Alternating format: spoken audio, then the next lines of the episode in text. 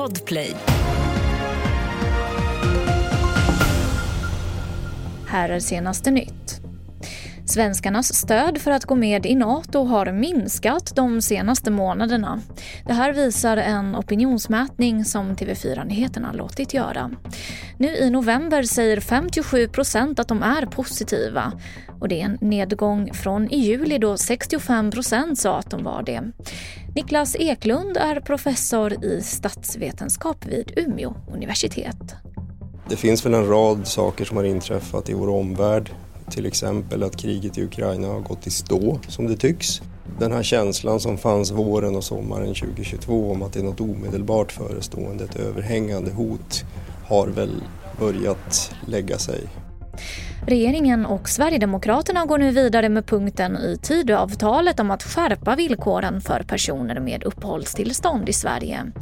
Nu ska en utredning titta på hur det kan bli möjligt att återkalla fler uppehållstillstånd på grund av brott, men också på grund av andra vad regeringen kallar brister i levnadssättet.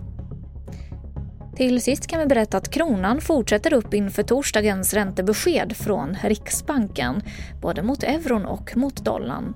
Från det historiska bottennappet mot euron i september så är uppgången nu cirka 4,5 procent till kursen 11,42 kronor per euro. Mot dollarn ses ett lyft på nästan 7% till kursen 10,42 kronor per dollar. Mer nyheter på tv4.se. Jag heter Emily Olsson.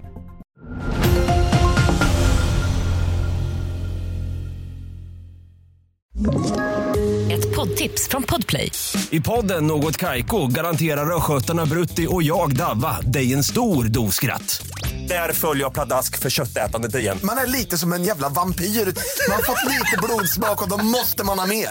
Udda spaningar, fängslande anekdoter och en och annan arg rant.